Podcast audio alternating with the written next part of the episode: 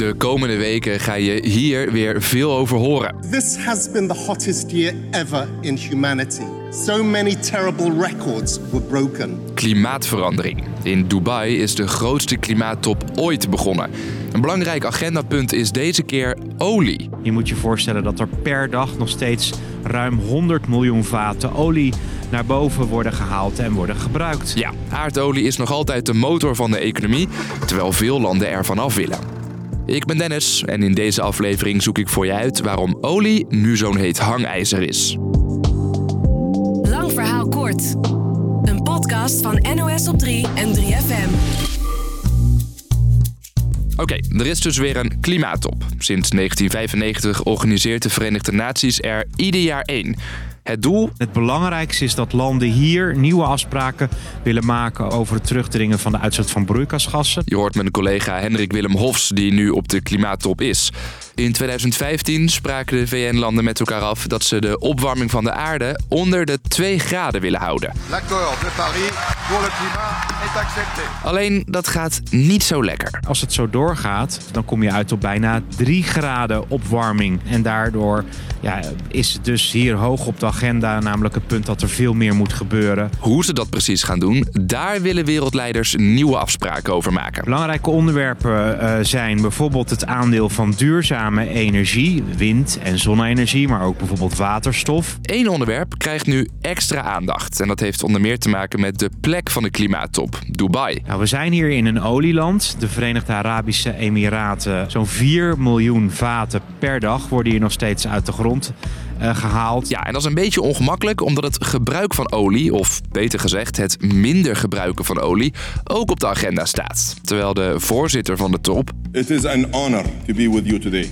De basis van het staatsoliebedrijf in Dubai. Het is een beetje alsof je aan een slager vraagt of hij zijn klanten wil oproepen om vegetariër te worden.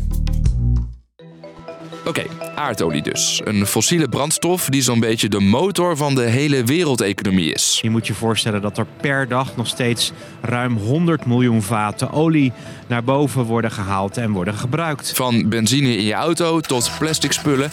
En van energiecentrales tot een blikje verf.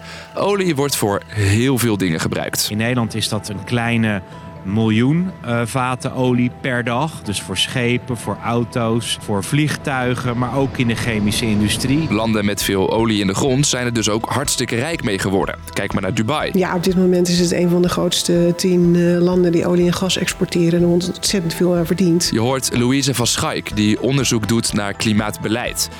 Olie is dus heel belangrijk, maar je voelt hem al aankomen. Olie zorgt ook voor veel CO2-uitstoot. Klimaatverandering is natuurlijk een van de grootste uitdagingen. Het tegengaan van broeikasgasuitstoot. Er wordt gemaakt hè, door olie en gas te verbranden en kolen. Dus zijn veel landen het erover eens. We moeten er vanaf, maar hoe dan? Nou, spoiler alert, dat wordt niet zo makkelijk.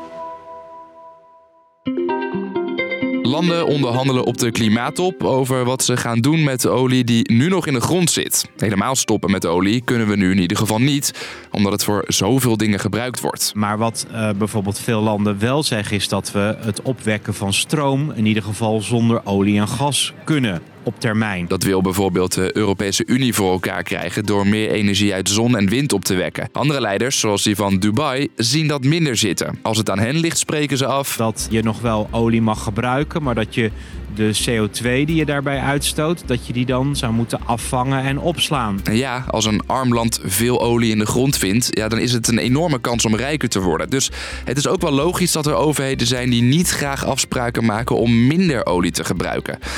Nou, hoe dan ook, uiteindelijk moeten alle deelnemers van de top het met elkaar eens zijn om één verklaring te tekenen. En als die er uiteindelijk komt, heeft die veel invloed, zegt Hendrik. Het is een duidelijk signaal aan de industrie van nou, je moet op zoek naar iets anders, want op termijn ga je hier geen geld mee mee verdienen.